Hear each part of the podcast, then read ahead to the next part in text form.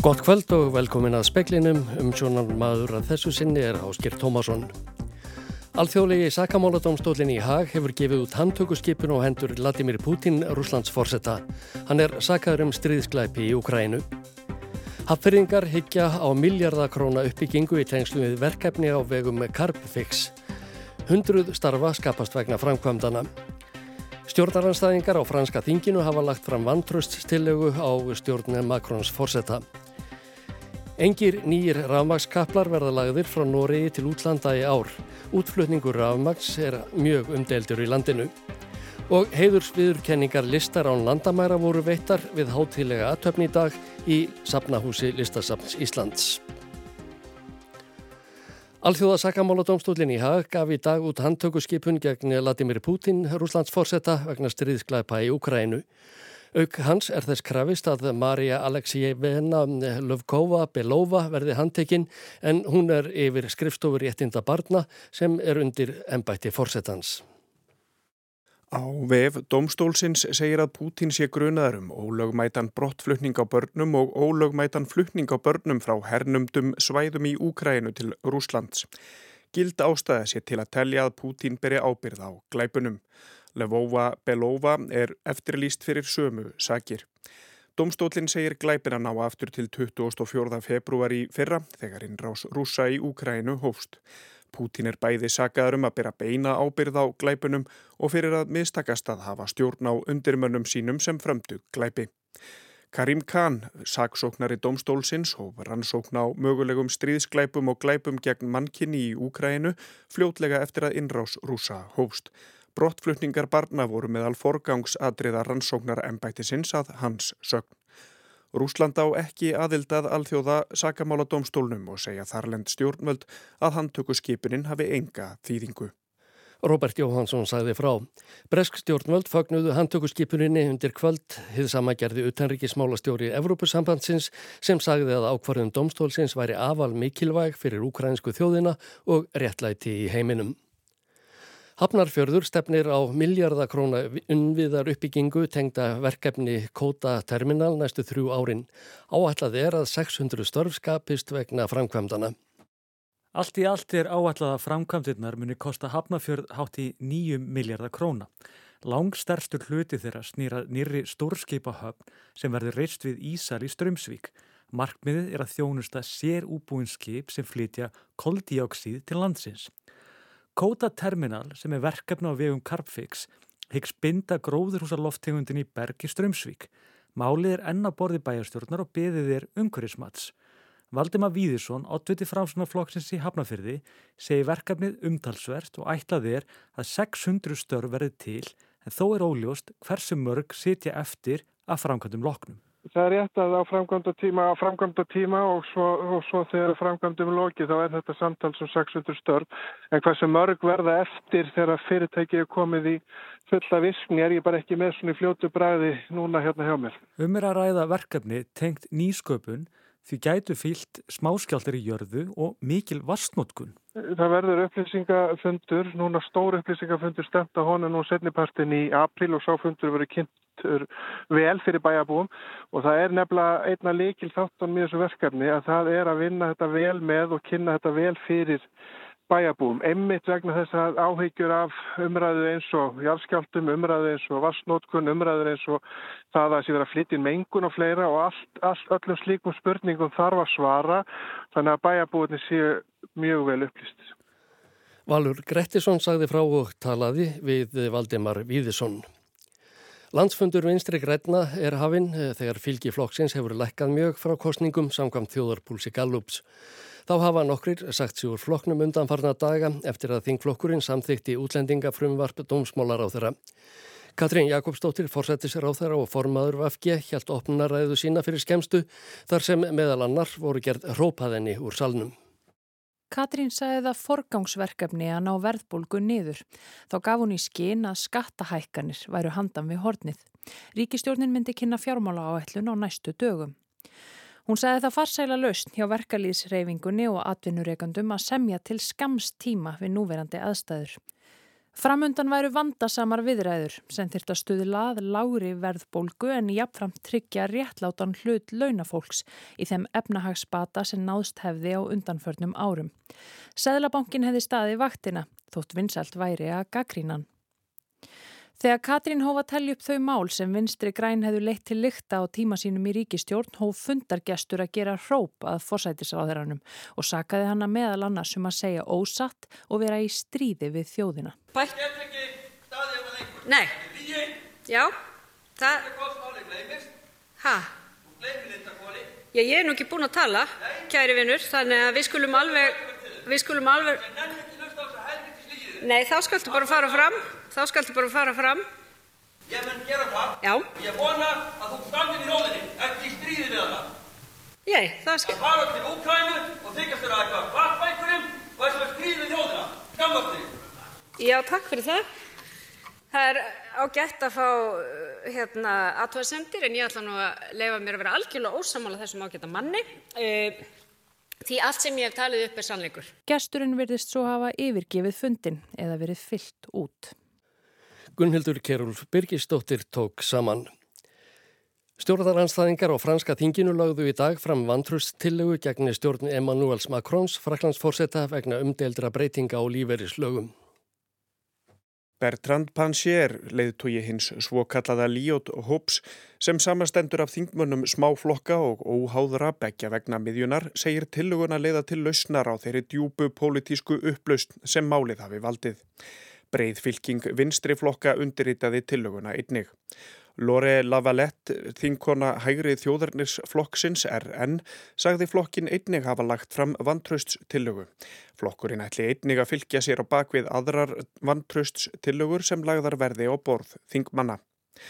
Breytingar stjórnar Makrons á lífeyrislögum fela í sér hækkun eftirlauna aldurs úr 62 árum í 64.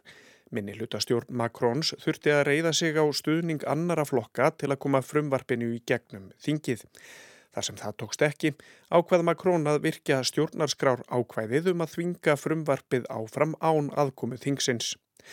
Frumvarpinu hefur verið mótmælt reglulega um allt Frakland allt frá byrjun síðasta árs og margir lagt niður störf. Meðal þeirra sem eru í verkvalli eru sorphyrðumenn í París en þar býða um 10.000 tonn af rusli á götum borgarinnar þess að vera hyrt. Robert Jóhansson sagði frá. Óhætt er að segja að gleðin hafi verið við völd í dag þegar heiðurs viðurkenningar listar á landamæru afsakið voru veittar við hátilega aðtöfni Sapnahúsi Listasapns Íslands.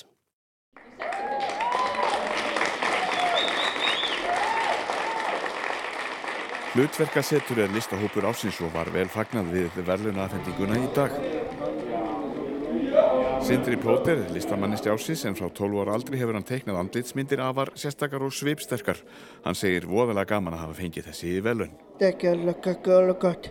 -hmm, mjög gott að vera e, tilnæmtur og fá þessi velun, eða ekki? Ó.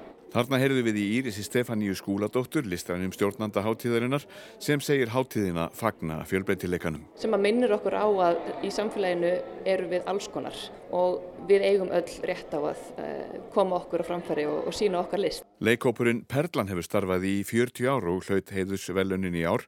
Bergljótt Arnalds var að vonum ánægð og segir engan bilbug að finna á hópnum. Mér finnst pínulítið þegar fólk fær heiðursviðkenningu og þá sé það að fara á eftirlaun. Perlan er 40 ára og við erum bara rétt að byrja og ég sé bara allt er fært um að fært. Við erum að skrifa hana æfintýra leitt sem eftir makkbít og dvakala söða.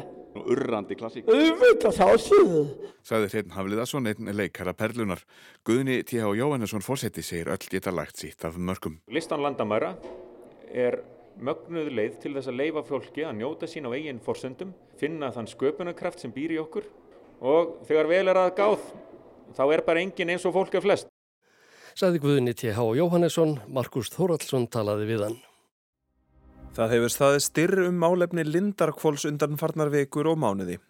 Þrýst hefur verið á forseta alþingis að gera upplýsingar um úttekt á starfsemi félagsins ofinberar en hann hefur ekki orðið við því.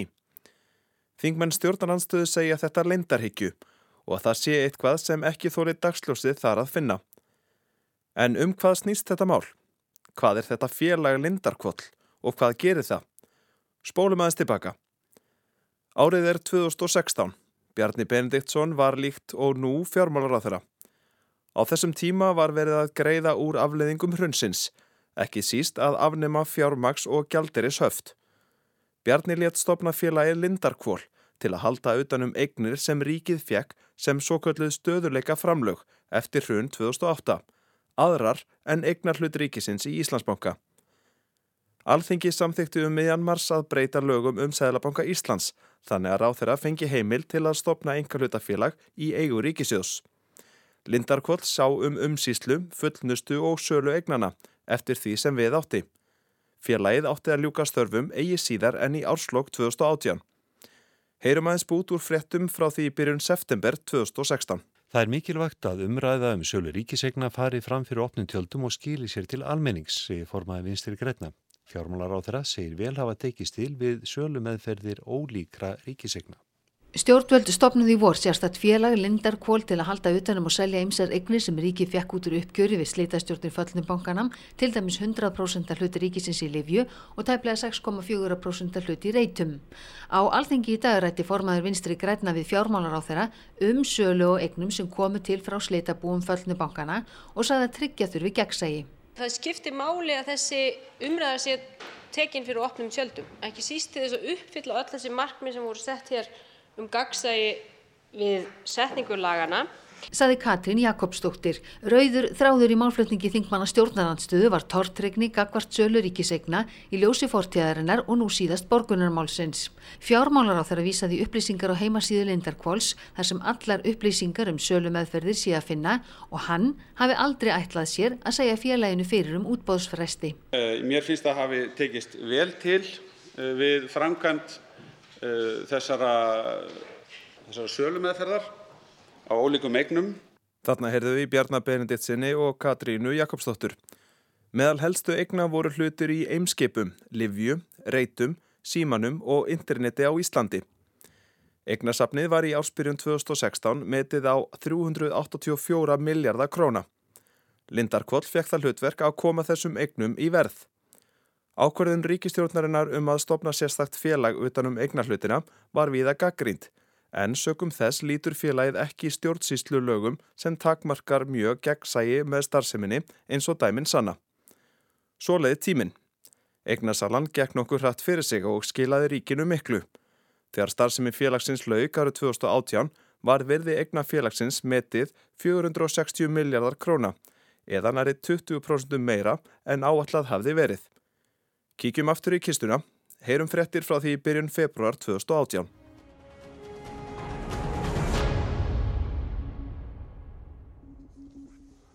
Gótt kvöld. Ríkið hefur selt helstu eigni sem það fekk í formi stöðuleika framlaga eftir að gengi var frá sölinni á Livju. Alls hefur ríkið fengið rúma 200 miljardar króna fyrir þessar eignir. Alþingi samþykti um miðjan mars 2016 breytingu á lögum um Sæðlabankan sem veitti fjármálar á þeirra heimil til að stopna enga hlutafélag til að annast umsýslu annara egna.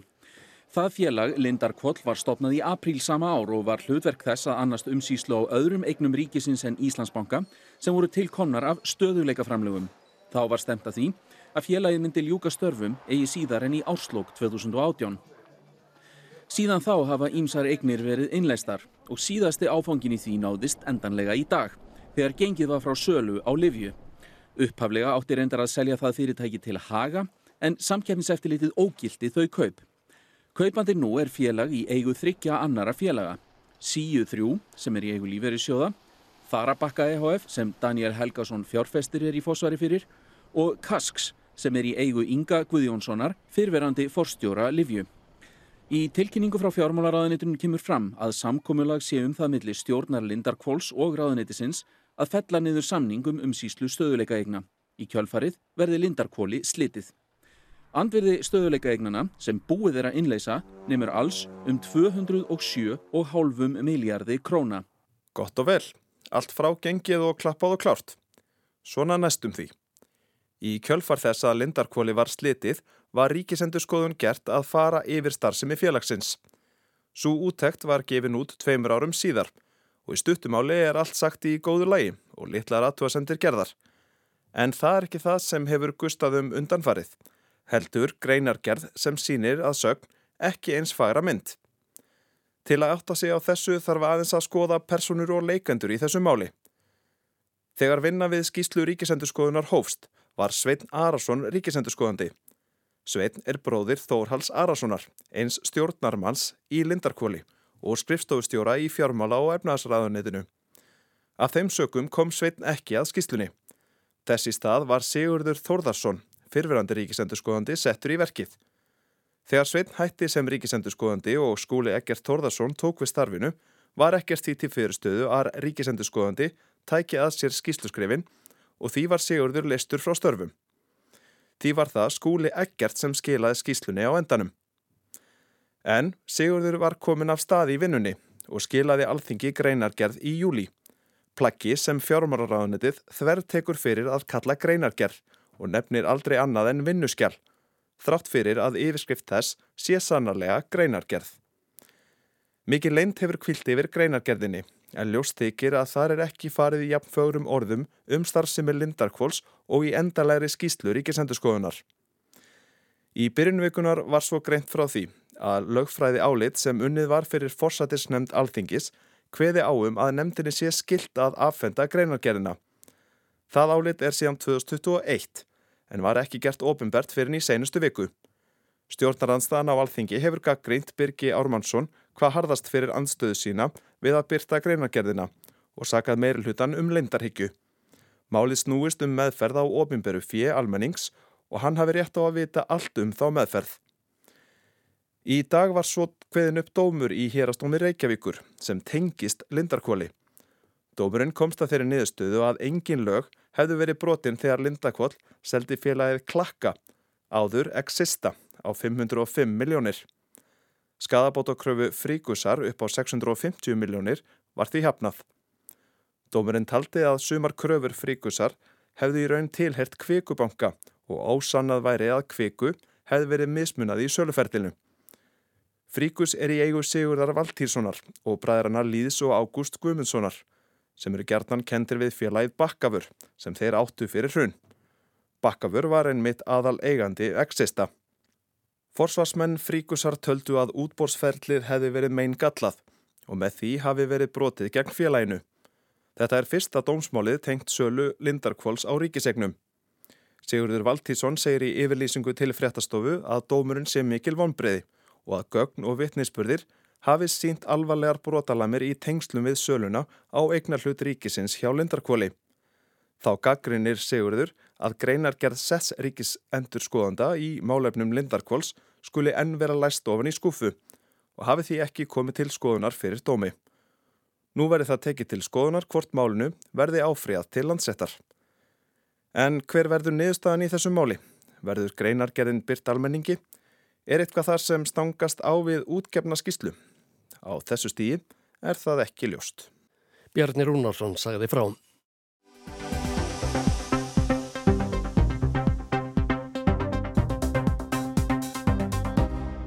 Framleiðsla kókains hefur náð áður óþektum hæðum í heiminum.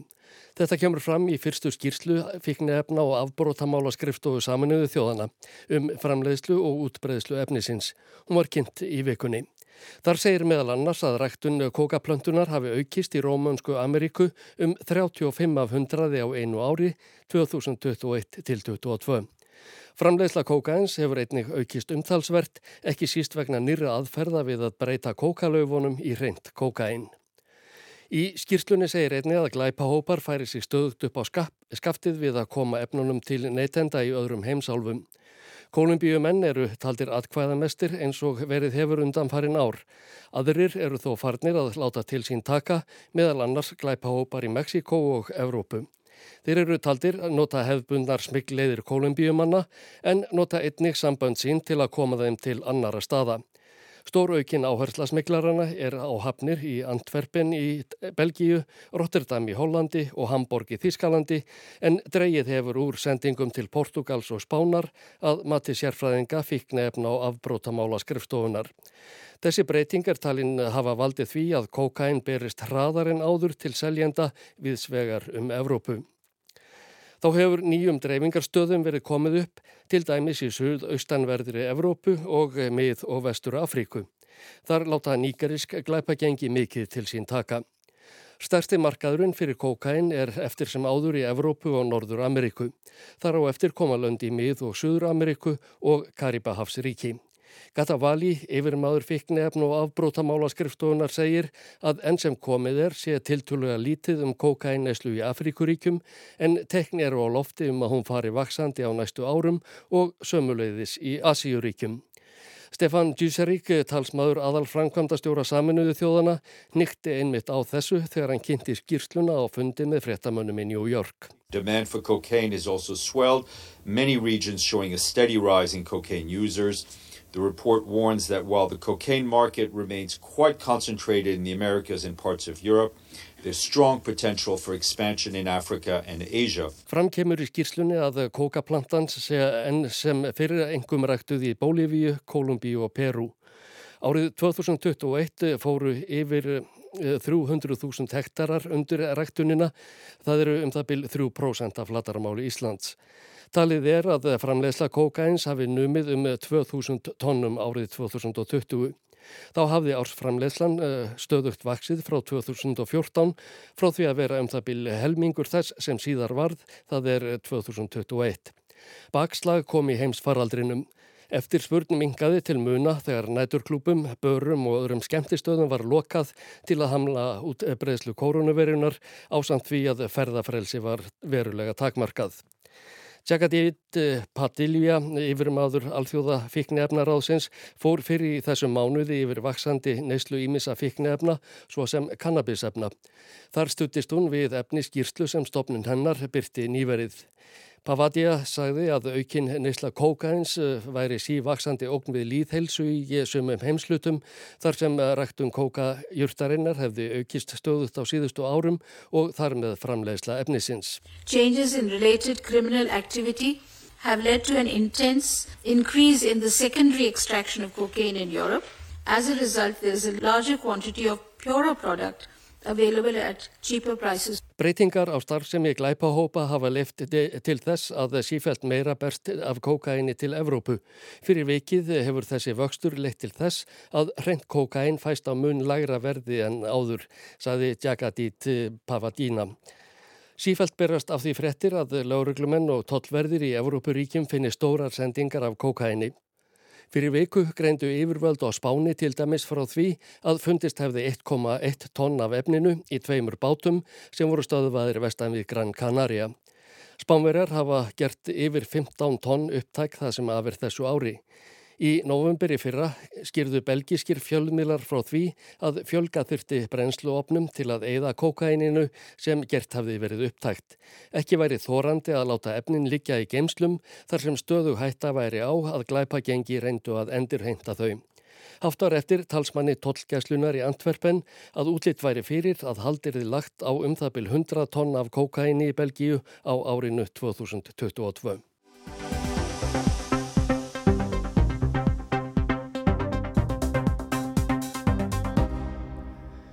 Engin nýr rámaskapall verður eh, lagður frá Noregi til útlanda í ár. Ríkistjórnlandsins hefur hafnað umsóknum nýjan sveran kapall eh, til eh, Skotlands sá átti að flytja rámagn sem svaraði til tveggja káranhjúka virkjana. Útflutningur á rámagni er mjög umdeldir í Noregi, hefur bæði leitt af sér mikinn gróða eigenda virkjana og sæstrengja en einnig hátt orkuverð til almennings og yðnaðar. Gísli Kristjánsson. Niðurstaðan kemur ekki á óvart. Í haust á að kjósa til sveitastjórna og ríkistjórnarflokkarnir standa ítlað víi. Eitt óvinnsælasta mál ríkistjórnarinnar er sala á rafmagni til útlanda. Miðflokkurinn fer með ríkisfjármálinn og er núna í fórustu í öðru hverju sveitarfélagi í landinu. Flokkurinn á núna og hættu að missa flest á atvita sína. Ein ástæðan fyrir yfirvofandi fylgishrunni flokksins er að kaplarnir til útlanda hafa leitt af sér hækkað orkuverð til almennings og til yðnaðar út um all land. Banabiti flokksins var að ætlað heimila enn einn kapal eða sæstreng til útlanda. Þetta er stór pólitíst mál og vonlítið að sækjum heimild fyrir nýjum kapli núna á kostninga ári. Að þessu sinni var það fyrirtæki Núrconnect sem vildi bæta sæstreng til Skotlands við sæstrengi sína. Ætlunin var að leggja kapal 655 km leið úr Eðisfyrð á vestuströndinni til Peterhead á Skotlandi. Þarna likur nú þegar digur strengur yfir Norðursjóin. Nýr kapal átt að geta flutt 1400 megavött af rafmagni. Það er eins og afl frá tveimur kárahnúkavirkjunum. Teknilega er þetta ekki vandamál og hönnun á stöðvarhúsum og móttökuvirkjum var þegar á borðinu. En þegar umsóknin kom inn á borð ríkistjórnarinnar í dag var svarið nei. Ekki fleiri sæstrengi í byli að minnstakosti. Þetta í ljósi þess að samanlagt fylgi ríkistjórnarflokkana er nú komið undir 20%. Umdeildasta mál stjórnarinnar er einmitt að orkureikningar heimilana hafa hækka verulega eftir að stríðið í Úkrænu hófst og markaður fyrir afmagn varð mjög ábata samur í Evrópu. Heldsöluverð hefur hækkað um nær helming en ríkistjórnin hefur gripið til nýðurgreðsna til almennings þannig að hækkunin er í reynd vart meira en þriðjungur. Samt finna menn fyrir breytingunni og líka verð sveiplast mjög. Allt rafmagn er selt á uppáðsmarkaði og er breytilegt bæði eftir tímum sólarhings og veður fari í Evrópu. Þannig voru ekki viðskipti almúans við rafveituna í gamla daga. En það er önnur hlið á þessu máli. Raforkumarkaðurinn í Evrópu er mjög hagstæður fyrir eigendur orkunar og fyrir eigendur kaplana til útlanda. Sver kapall hefur síðustu mánuði veitt fólki á Breitland sem byrtu og íl frá Noregi. Breski markaðurinn þykir nú bestur. Kaplar eru einni til Danmerkur og Þískalands. Þetta þýðir að fjármálar á þeirra fjekk í fyrra 79 miljardar aukalega í tekjur í ríkiskassan. Það eru rúmlega þúsund miljardar íslenskar króna. Áætlanir fyrir þetta árur svipaðar, aftur þúsund miljardar aukalega í ríkiskassan vegna rafmagsölu. Þetta er betra verð en fæst til stóriðju innanlands. Ríkið á margar virkjanir og hefur fjárfest í sæstrengjum með engafyrirtækjum og sveitarfélugum. Rafita Óslóaborgar á til dæmis hálfan kapalinn til Skotlands og hefur grætt vel frá því að rafmagni var hleyft á í haust. Áætlanir þá gerður áð fyrir að borgin fengi um 1 miljard norskra króna fyrir sinn hluti leigu á kaplinum. Það eru 12 til 14 miljardar íslenskra. Salan á rafmagnunu leiðir á hinbóin til þess að borgarbúar verða sætt að sefi hærri reikninga frá þessari sömur afveitu. Og svo er umdelt hver mikið orkuverð hefur hækkað vegna útflutningsins. Fyrstu áallanir, það er áður en að ráðist var á Úkrænu, gerður áð fyrir að þessi munur gæti verið um 10%. Reynslan hefur sínt að það var vannmetið. Núna hefur til dæmis Dagins næringslíf, stærsta viðskiptablað Noregs, látið rekna út að heilsölu verð á þeim svæðum, þar sem áhrifa útflutningsgætir hafi hækkað um tæpan helming. Áður var kílovattstundin á um 40 öyra í öllu landinu jamt og er það enn í nistu hérðunum. Þau eru ótengt við útlönd. Verðið í þjættbílustu hérðunum síðst er hins vegar orðin nær 80 öyrar. Þar er gróðun af útlutningi mestur og gremja almennings sárust. Þá var það í lokin veðurhorfur á landinu næsta sólaring, östlæg 8-3-8 metrar á sekundu og víða skíjað en snjókoma með köplum norðaustanlands. Slitta eða snjókoma söðustan til í kvöld og nótt, talsverð á köplum. Það verður norðlæg 8, 8 til 13 þegar líður á morgundaginn, fyrst norðvestan til. Snjókoma með köplum eða jél en þurft suðvestanlands. Frost verður 1 til 13 stig, kaldast í einsveitum norðaustan til en sumstaðar frostlaust siðist. Það var helst í speklinum í kvöld að alþjóðilegi sakamáladámstólinn í Hag hefur gefið út handtökuskipun og hendur Vladimir Putin, Rúslands fórsetta. Hann er sakaður um stríðsklæpi í Ukrænu. Hafverðingar higgja á miljardakróna uppbyggingu í tengslum við verkefni á vegum Carbifix. Hundru starfa skapast vegna framkvæmdana og stjórnaranstæðingar á franska þinginu hafa lagt fram vantrust tillögu á minni hlutastjórn Makrons fórsetta. Fleira er ekki speklinum í kvöld. Tæknimaður var Magnús Þorstedt Magnússon, verðið sæl og góða helgi.